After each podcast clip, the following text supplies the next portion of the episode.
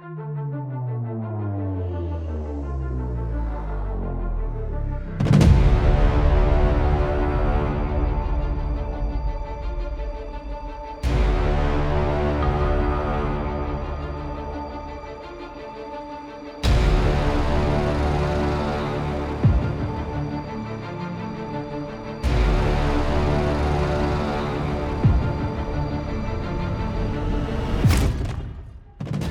Cześć, witam na moim kanale. Ja mam na imię Piotrek i zapraszam Cię serdecznie do odsłuchania jednego z odcinków mojej audycji pod tytułem Stenogramy zbrodni.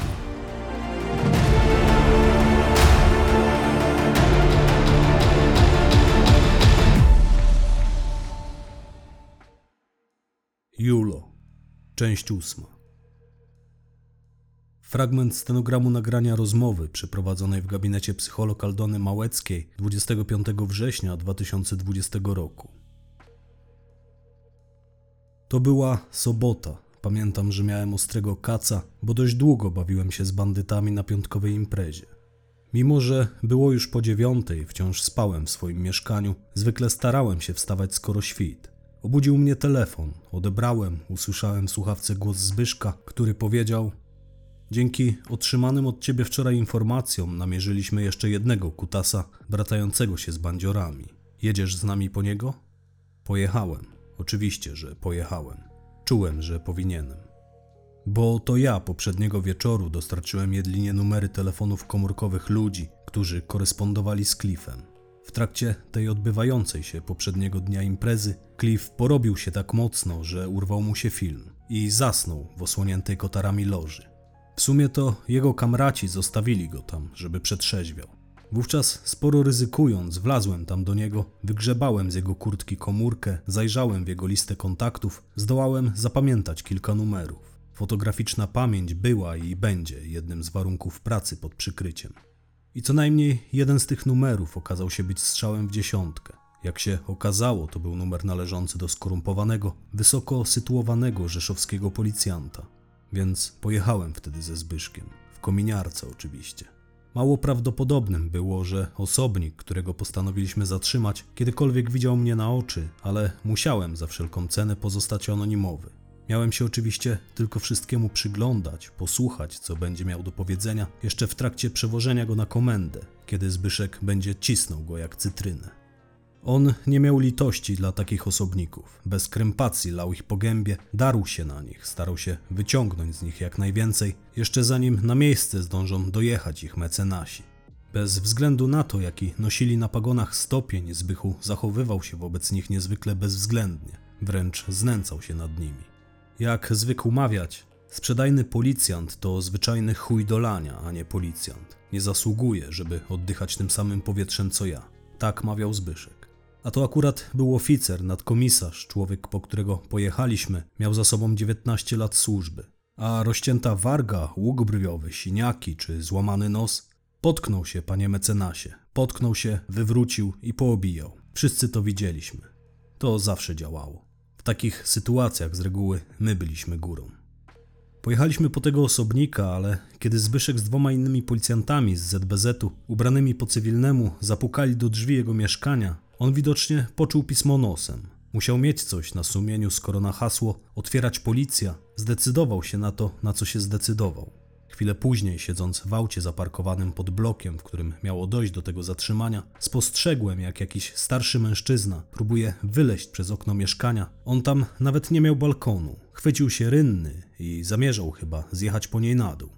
Na szczęście, kiedy znalazł się na dole, on dość brutalnie spotkał się z ziemią, mówiąc dokładnie z betonowym chodnikiem, bo nie zdołał się utrzymać tej rynny. Zapewne dlatego, że rynny z natury są śliskie, a zwłaszcza te, po których ścieka woda, bo tego dnia lało jak z cebra.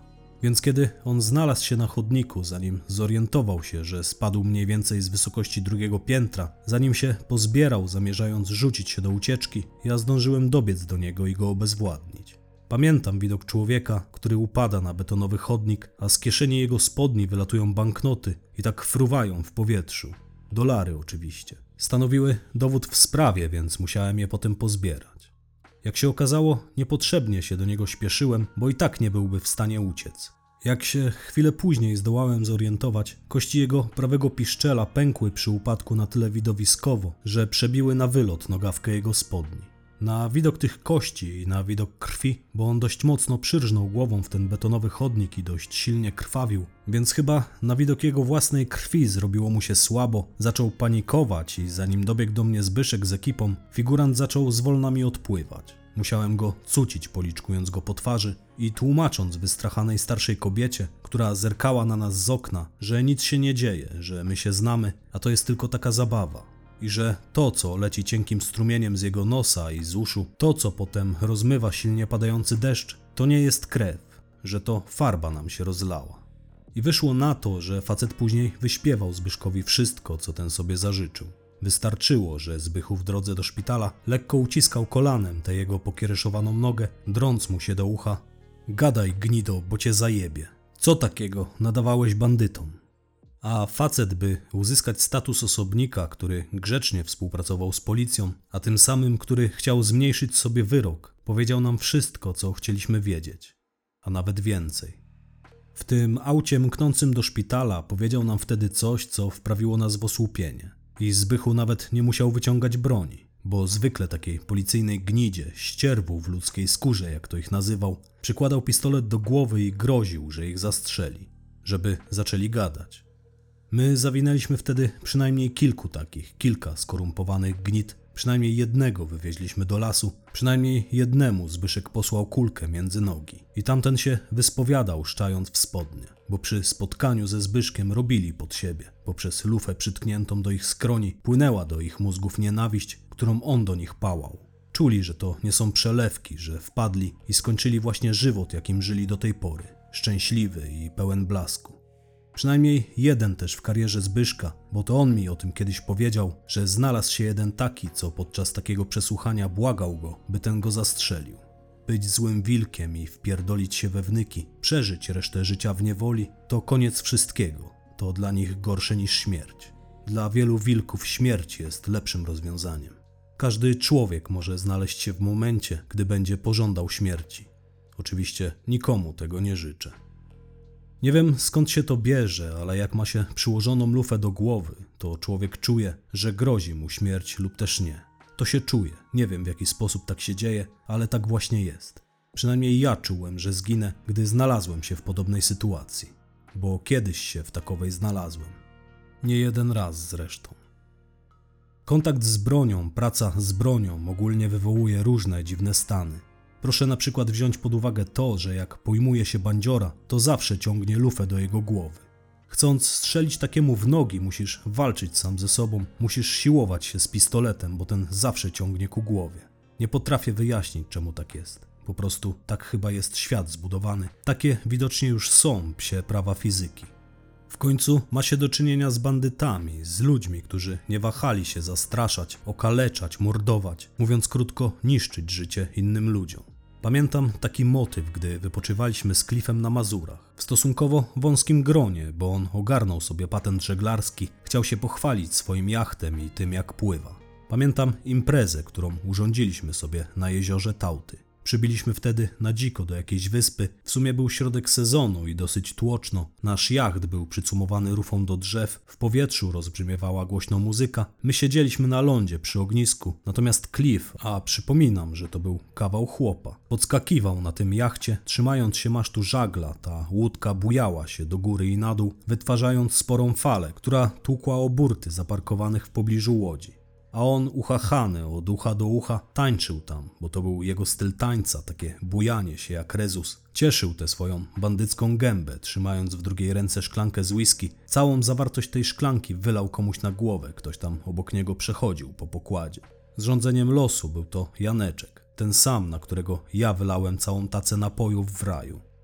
Ja tak siedziałem przy ognisku, już było dosyć ciemno. Kątem oka zerkałem to na kiełbasę, którą piekłem nabitą na kij, to na szczęśliwego klifa. Myślałem sobie, naciesz się, bandyto, wybaw się, bo nadchodzi twój czas. Zgnijesz w więzieniu, tam gdzie twoje miejsce. Nie niestety, stety, bydlaku.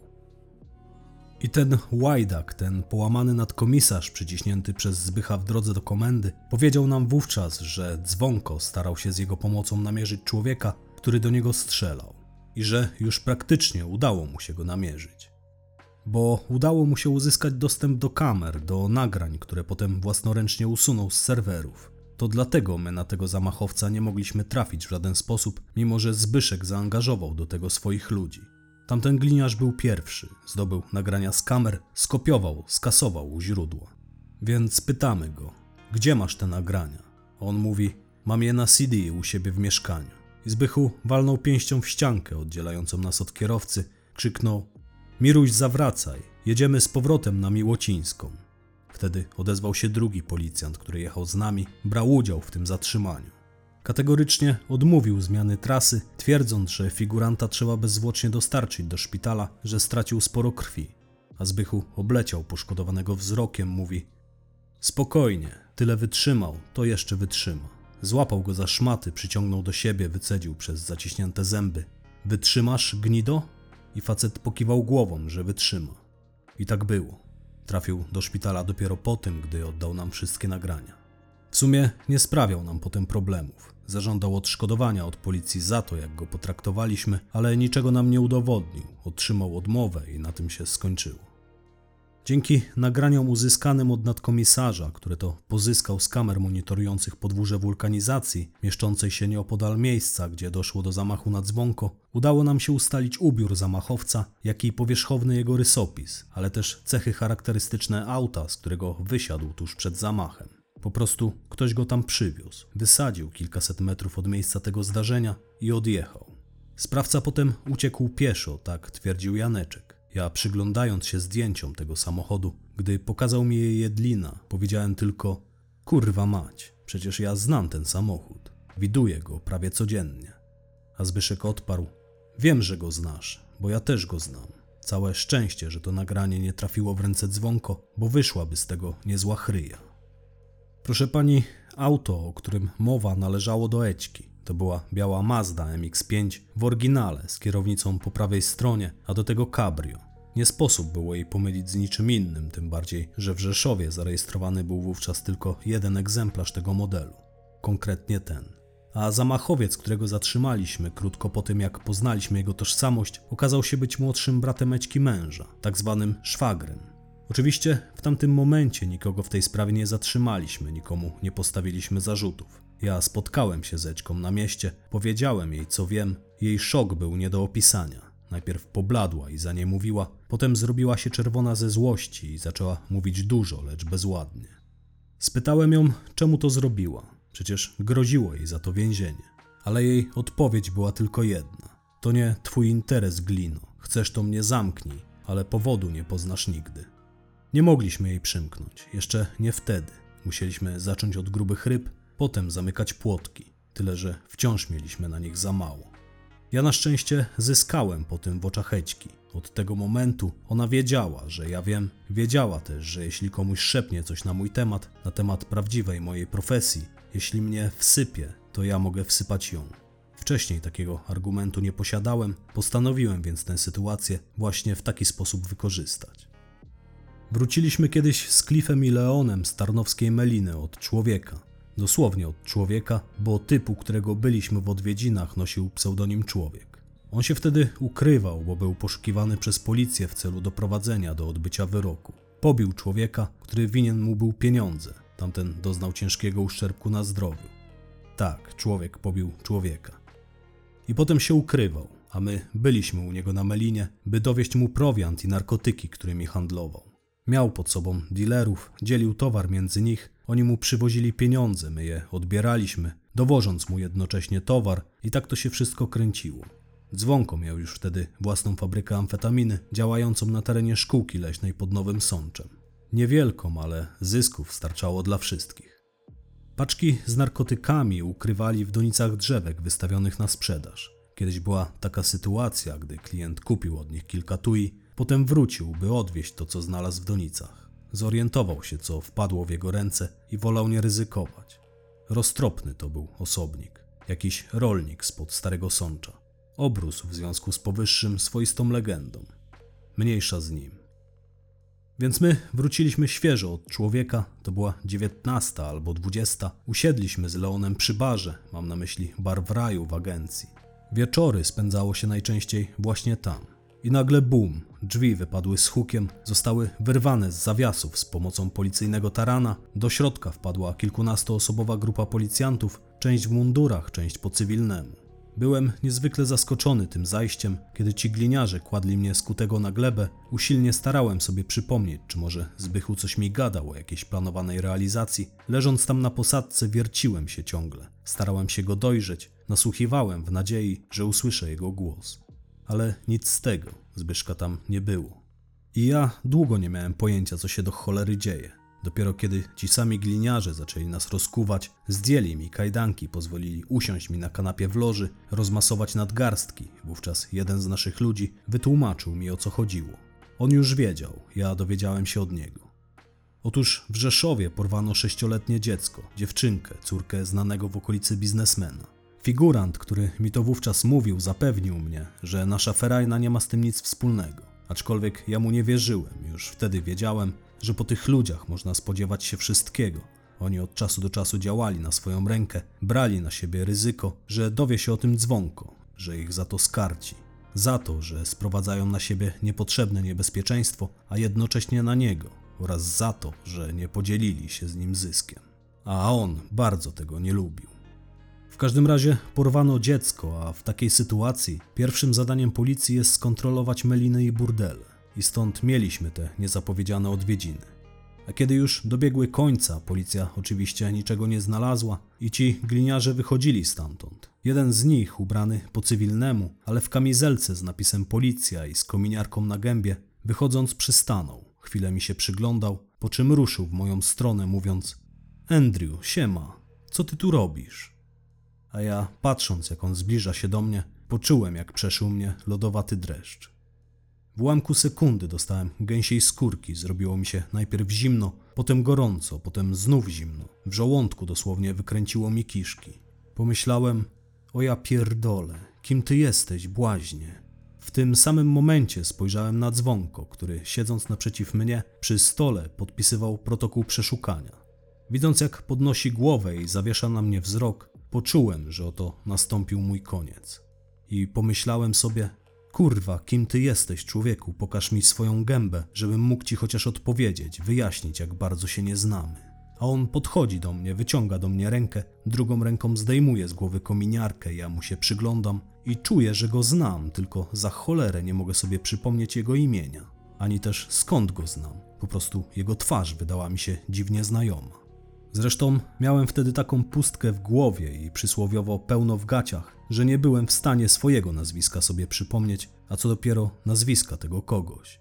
I on gada: Nie pamiętasz mnie, to ja, Robert. Poznaliśmy się na szkoleniu w Legionowie, a we mnie jakby grom z jasnego nieba uderzył. Znów zrobiło mi się gorąco, potem zimno. Ja faktycznie tego typa znałem. On był pseudo Robert, a ja pseudo Andrzej. Tam na szkoleniu mówili do mnie Andrew. To było szkolenie na przykrywkowców. Ten osobnik brał w nim udział, odpadł mniej więcej w połowie. I los chciał, że trafiliśmy na siebie akurat tam, w raju, bo on był rzeszowiak z krwi i kości, pracował w jednej z tamtejszych rejonowych komend. No idiota, skończony błazen. I ja, jak tylko dotarło do mnie, kim on jest i skąd się znamy, od razu walę do niego. Gościu, wypierdala, ja cię pierwszy raz widzę na oczy. A on oczywiście, no jak to, nie poznajesz mnie? I ja mówię, nie poznaję, wypierdalaj. Ja się nie zadaję z psami. Wtedy on machnął na mnie ręką, odwrócił się na pięcie i poszedł, a ja odetchnąłem z ulgą, ale na krótko, bo jak tamci wyszli, to zostałem sam z przynajmniej pięcioma bezwzględnymi bandytami, w tym z Cliffem i z dzwonką. A ich wzrok, którym na mnie patrzyli, świadczył o tym, że są w jeszcze większym szoku niż ja i że są porządnie wkurwieni. Szybko pozbawiłem się złudzeń, że jeśli nie wymyślę jakiejś atrakcyjnej historyjki, to już za moment będę miał przejebane. Początkowo moje tłumaczenia nie zdały się na nic. W piwnicy raju złamano mi nos, szczękę, kość policzkową, doznałem też wstrząśnienia mózgu i straciłem dużo krwi, bo przez rozcięty łuk brwiowy płynie jej całkiem sporo. Tym bardziej przez dwa rozbite brutalnymi kopniakami łuki brwiowe. Pamiętam, kiedy dali sobie spokój, zrobili sobie przerwę w biciu mnie.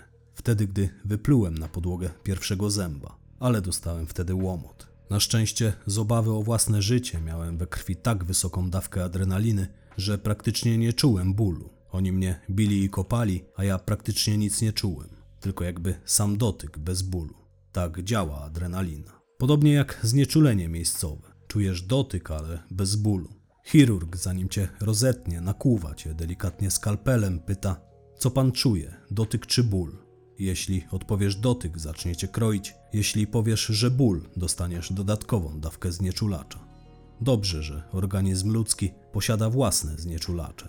One niestety też po jakimś czasie przestają działać. A wtedy zaczyna się tragedia. Poleżałem na podłodze tej piwnicy kilka godzin, zanim wywieźli mnie do lasu. Oni chcieli mnie tam rozstrzelać, aczkolwiek widziałem w ich oczach, że dają wiarę mojej wersji, że oni mi wierzą, iż ja tego gliniarza nigdy nie widziałem na oczy, bo przecież nie jestem żaden Andrew, jak to mnie nazwał, ale Julian. Nazywam się Julian Zdrojewski, jestem złodziejem samochodowym kuzynem Edyty. Sama przecież za mnie poręczyła, przecież dostarczyłem im piękne Ferrari, które własnoręcznie ukradłem. I to mnie chyba uratowało. To oraz fakt, że tam na miejsce do tego lasu przyjechała Ećka. Było ciemno, to była noc. Ona stanęła swoją Mazdą przy ulicy i wołała imię Cliffa tak głośno, że obudziła chyba całe województwo. Cliff wysłał po nią jednego ze swoich ludzi. Ona tam przyszła z nim. Tam, gdzie ja klęczałem w kałuży swojej krwi, przyklękła obok mnie, odgrywając rolę kochającej kuzynki, zaczęła mnie przytulać, prosić Cliffa o litość dla mnie. Tak było. Wiem, że ciężko w to uwierzyć, ale Ećka odegrała wówczas takie sceny. Sam byłem w głębokim szoku. Zaczęła się potem dyskusja, ostra wymiana zdań między nami wszystkimi, która potem zelżała. Ja wciąż obstawałem przy swoim, że jestem złodziejem, że mogą to sprawdzić. Mogę ich zawieść nawet do swoich ziomków, z którymi się wychowywałem. Oni potwierdzą moją wersję, że do kurwy nędzy przecież nie nazywam się Andrzej. Ten pies musiał mnie z kimś pomylić. I Cliff zwątpił. On chyba darzył mnie jakąś nutką sympatii, a może był po prostu już tym wszystkim zmęczony. Przystał na propozycję Leona, który powiedział: Sprawdźmy, czy on faktycznie potrafi ukraść jakiś samochód. Przecież nigdy tego nie udowodnił, a przynajmniej nigdy nie widzieliśmy go w akcji. I Cliff powiedział: No to go sprawdźmy. Potem pochylił się nade mną, dodał: To twoja ostatnia szansa. Nie spierdol tego, bo zdążyłem cię polubić. I wsiedliśmy do auta, pojechaliśmy w miasto. Tam zatrzymaliśmy się na jakimś osiedlu. Ja ledwie pamiętam te obrazy, bo za dużo nie widziałem. Miałem odbicia tak upuchnięte oczy, że niewiele wówczas byłem w stanie zobaczyć. Pamiętam jak Cliff wysiadł z BMW, którym tam zajechaliśmy, podszedł do stojącego w pobliżu Volkswagena Golfa, dynamicznym szarpnięciem brutalnie wyrwał z jego drzwi klamkę, przez uchyloną szybę wrzucił mi ją na kolana, bo ja zalegałem na miejscu pasażera. Walczyłem wówczas z narastającym bólem całego ciała. Byłem naprawdę mocno pokiereszowany, oni nie markowali ciosów. Na szczęście wciąż czułem adrenalinę. Domyślałem się bowiem, co przygotowuje dla mnie Cliff. On po tym, jak rzucił mi tę klamkę na kolana, poszedł na tył BMW, wyjął coś z bagażnika. Słyszałem, jak rozrzuca tam narzędzia, najwyraźniej czegoś szukał. I znalazł w końcu, bo zająwszy miejsce kierowcy, położył przede mną zestaw niewielkich pilników i surowy klucz Volkswagena. Taki zupełnie surowy, bez ani jednego ząbka. Wówczas siedzący za mną Leon przybliżył się do mnie, powiedział: Dorób ten cholerny klucz, odpal to auto i kończymy na dzisiaj inaczej on cię zabije. A ja nie mogłem. Proszę mi uwierzyć, że to był moment, w którym skumulowały się moje wszystkie bolączki. Byłem tak obolały, tak pobity, mimo wciąż działającej adrenaliny, tak opuchnięty i tak wystraszony, że nawet nie potrafiłem się do tego zabrać. To znaczy, wiedziałem jak to się robi, bo trenowałem takie rzeczy na szkoleniu, no ale nie mogło być przecież inaczej. Nie mogłem przystąpić do grupy jako złodziej, nie mając o tym fachu zielonego pojęcia. Autentycznie nauczono mnie kraść samochody w policji, ale kiedy wziąłem do ręki te pilniki, to nawet nie mogłem wyjąć ich z opakowania. Tak trzęsły mi się dłonie. I nie potrafiłem nad tym zapanować. Dopiero jak Cliff, przyglądając mi się przez dłuższą chwilę, powiedział: Masz tu szluga, zapal sobie, bo zaraz mi tu kurwa zejdziesz. Dopiero po tym papierosie trochę się ogarnąłem. Ale zanim jeszcze przystąpiłem do dorabiania tego klucza, zmuszony byłem przebić sobie powiekę lewego oka, tym pilnikiem. Zrobił mi się na tej powiece krwawy bąbel wielkości mandarynki. Nie widziałem nic na to oko. Żeby móc cokolwiek zacząć rzeźbić, musiałem przecież zacząć jako tako widzieć. Dorobienie klucza do zamka, a jednocześnie do stacyjki, bo auta otwiera się przecież z każdej strony tym samym kluczem, bywa banalnie proste. Może nie dla laika, jakim ja wówczas byłem, ale udało mi się tego dokonać nawet trzęsącymi się dłońmi. Wyrywa się klamkę, tym samym wchodzi się w posiadanie oryginalnego zamka do auta, które chce się ukraść. Dorabia się do tego zamka klucz normalnie, pilnikami i voilà, można jechać. Dobremu złodziejowi całość zajmuje wyłącznie kilka minut. Mnie zabrało to prawie dwa kwadranse. Oni już w pewnym momencie zaczęli się niecierpliwić, zostawili mnie wtedy w tym aucie. Cliff i Leon wysiedli z niego, stanęli sobie w pobliżu, palili papierosy, rozmawiali, przyglądali mi się, dawali mi fory, widząc w jakim jestem stanie.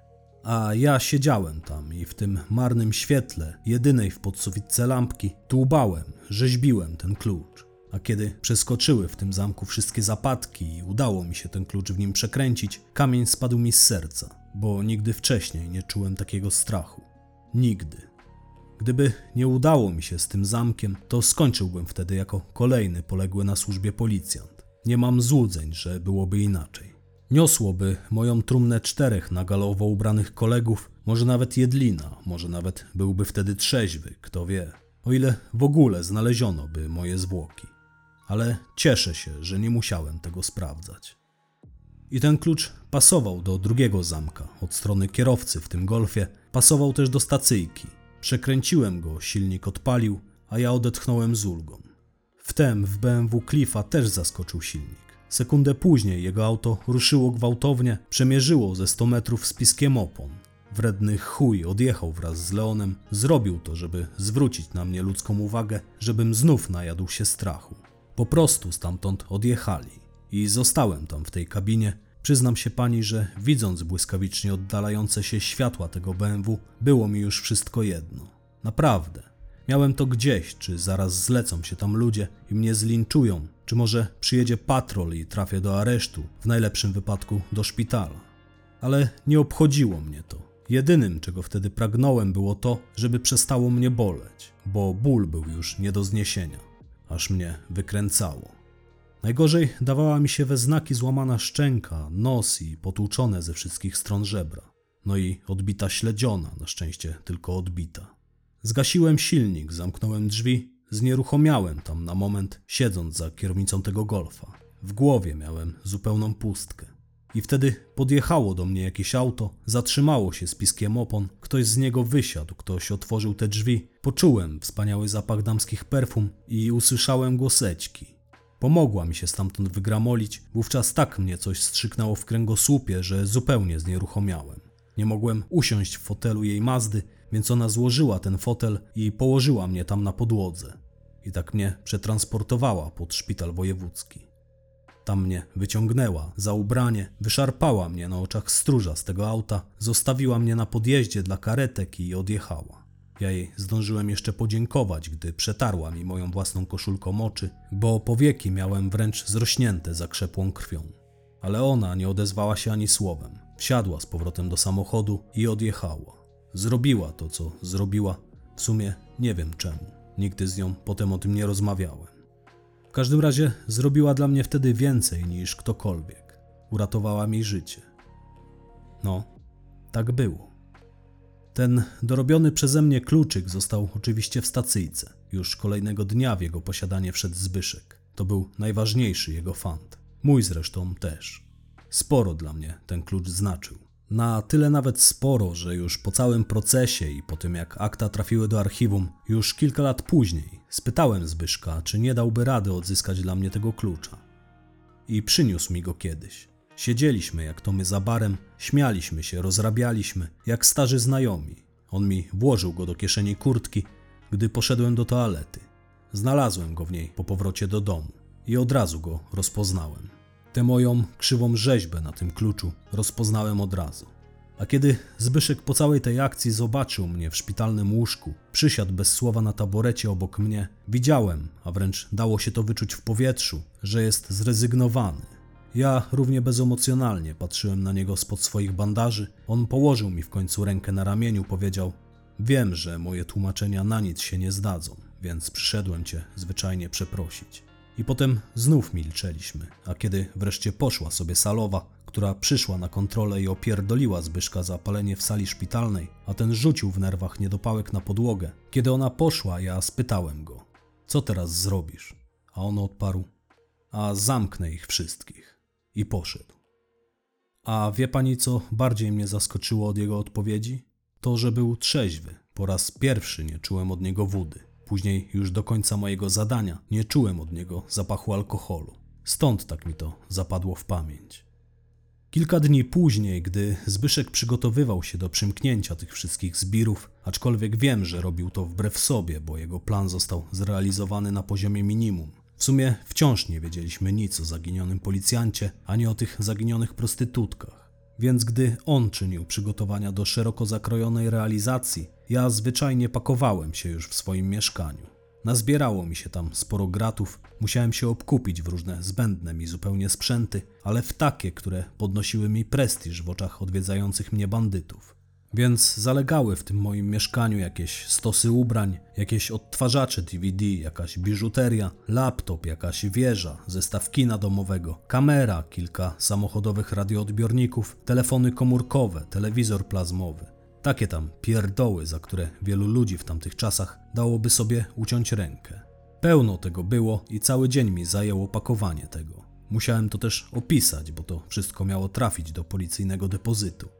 I telewizor zostawiłem sobie na koniec. Zdjąłem go co prawda ze ściany, ale postawiłem na podłodze. On był ogromny, ja miałem wolne, że tak powiem. Chciałem sobie po prostu jeszcze pooglądać telewizję. Od kilku miesięcy nie miałem przecież kontaktu ze światem. To znaczy miałem ze światem przestępczym. I siedziałem, oglądałem telewizję, popijałem piwo, wszystko mi zwisało, dosłownie. Czułem, że to już koniec, że już nic ode mnie nie zależy. Miałem świadomość, że kolejnego dnia wracam do domu, do rodziców i po raz pierwszy od lat cieszyłem się na tę myśl. I nagle odezwał się dzwonek do drzwi. Poszedłem je otworzyć. Miałem jeszcze bandaże wokół żeber powiązane, ale czułem się już nawet nawet. Byłem na silnych lekach przeciwbólowych. No i nos miałem nastawiony i szczękę zadrutowaną. W każdym razie wszystko szło ku lepszemu. Byłem tak silnie rozkojarzony, że nawet nie spojrzałem w wizjer, po prostu chwyciłem za klamkę i otworzyłem drzwi. Ujrzałem wówczas w progu Leona. Zmierzył mnie od stóp do głów, kiwnął do mnie głową, powiedział: Chodź na dół, Cliff na ciebie czeka. No i co miałem zrobić? Ubrałem kurtkę, papcie i poszedłem. Cliff siedział w aucie pod klatką, w najciemniejszym miejscu podwórza, tam gdzie nie sięgało światło jedynej palącej się tam latarni. Ja usiadłem z tyłu, on siedział na miejscu pasażera, Leon zajął miejsce kierowcy. Ja usiadłem za klifem. Poobijaną miałem wciąż twarz i czasami rozmazywał mi się jeszcze obraz, ale widziałem, że Cliff ma lusterko wsteczne, przekoszone na swoją stronę. Widziałem w nim, że mi się uważnie przygląda. I on powiedział: Ja naprawdę byłem już gotów uwierzyć, że należysz do psiarni. Zostawiłem cię tam, żeby te psy sprowokować. I wiesz co? Ku mojemu zaskoczeniu nic się nie stało, nikt się do nas nie dojebał. Wiesz, jaki morał jest tej historii? spytał, obróciwszy się do mnie. Wiem, odparłem. Taki, że nie jestem psem. No właśnie, odparł Cliff. Ty naprawdę nie jesteś psem, bo po tym, co z tobą zrobiłem, powinienem już siedzieć za kratkami. I przyznam, że nie chciało mi się wtedy z nim gadać. Spojrzałem na niego zrezygnowany, spytałem, czego właściwie ode mnie chce, po cholerę tu przyjechał a on wyjął ze schowka pistolet gazowy przerobiony na ostrą amunicję, jeden z tych, któremu przywieźliśmy z Leonem z Czech. Powiesiwszy go sobie za kabłąk na palcu, pomachał mi nim przed nosem, powiedział: Spodziewam się, że chciałbyś dalej z nami pracować i w związku z tym mam dla ciebie zadanie specjalne. Oczywiście, domyślając się, co ma na myśli, spytałem jakie. Odparł: Musisz kogoś dla mnie odjebać. A potem poprawił się, rzekł: Sorry, nie dla mnie, dla dzwonko. Jeśli chcesz odzyskać jego zaufanie, musisz kogoś dla niego zabić. Zgadzasz się czy nie? spytał. Mojej odpowiedzi, choć wiedziałem, że to ma być dla mnie misja straceńcza, że oni chcą się mną posłużyć, bo im już na mnie nie zależy. Dla nich jestem już nikim, jak wpadnę to po mnie, a oni będą mieli czyste ręce, więc mojej odpowiedzi chyba już się pani spodziewa. Oczywiście zgodziłem się. Pomyślałem sobie, brawo ty, zlecenie zabójstwa. Z tego już w żaden sposób się nie wyłgasz. I pamiętam, jak poleciałem z tym do Zbyszka. Pokazałem mu pistolet, który dostałem od Cliffa. Powiedziałem: Zwołuj z powrotem ekipę, szykuj podsłuch, działamy dalej. Nagram ci zlecenie zabójstwa. A Zbyszek spojrzał na mnie, wyrwał mi ten pistolet z ręki, obejrzał go, powiedział: No nie pierdol, nawet mi nie gadaj. A ja pokiwałem głową, że tak, uśmiechnąłem się. Nigdy nie zapomnę tego blasku, który wówczas ujrzałem w jego oczach. Tej radości. Już dwie godziny później w całym składzie siedzieliśmy nad dalszym planem, a Zbychu co rusz kiwał z niedowierzaniem głową, paląc papierosa za papierosem mamrotał. O wy kurwy, o skurwiele. Wtedy dotarło do mnie, jak bardzo on ich nienawidzi, jak mocno on się w to wszystko wkręca i jak bardzo mu zależy. Ale mnie już wtedy też zależało. Od tamtego momentu doprowadzenie tych osobników przed oblicze wymiaru sprawiedliwości było dla mnie sprawą honoru. Niestety tak właśnie było, a raczej stety, wy pierdolone łajzy. No, zacząłem ich wtedy nienawidzić równie mocno jak Zbyszek. Poprzysiągłem sobie, że doprowadzę tę sprawę do końca.